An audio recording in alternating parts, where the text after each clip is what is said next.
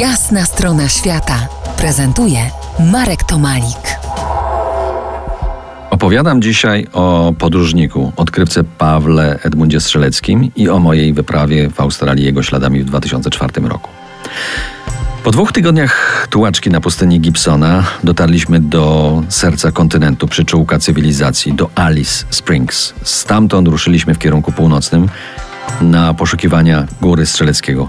Według najbardziej dokładnej mapy nie prowadziła tam żadna droga. Pomogli nam aborygeni. Dzięki ich wskazówkom bezbłędnie trafiliśmy pod zapomniane przez ludzi i czas pasmo niewysokich gór Crawforda na zupełnym odludziu, w najczystszym i najprawdziwszym outbacku.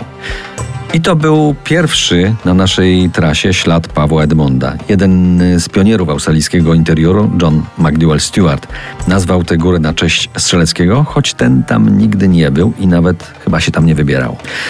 Udzieliła nam się pozytywna dawka emocji. Czuliśmy się trochę jak odkrywcy, jak Paweł Edmund przedzierający się przez ostępy zarośniętego, niedostępnego buszu. Ta strzelecka wibracja już nigdy później nam się tak mocno nie udzieliła. Kolejnym pustynnym szlakiem do pokonania był mocno krajobrazowy i stosunkowo łatwy technicznie szlak Udnadata. Niestety jedno auto, tak zwana Arka Waldiego, musiało nas z przyczyn technicznych opuścić.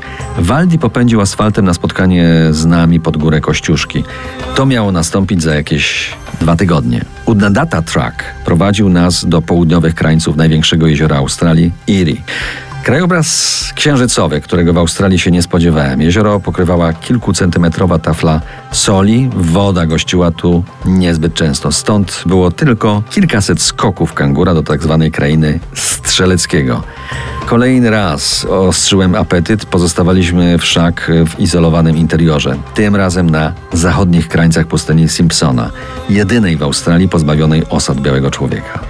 Jechaliśmy do krainy Strzeleckiego. Cóż tam było? Strzelecki Truck, Strzelecki Desert, Strzelecki Regional Reserve, Strzelecki Crossing, Strzelecki Hill i Strzelecki Oil Well.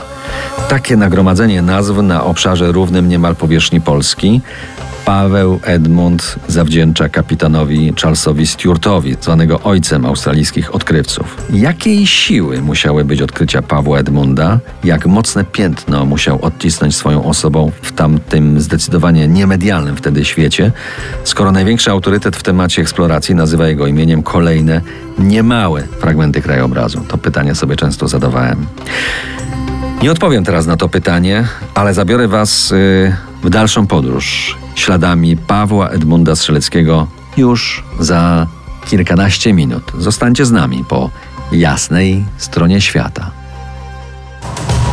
To jest jasna strona świata w RMS Classic.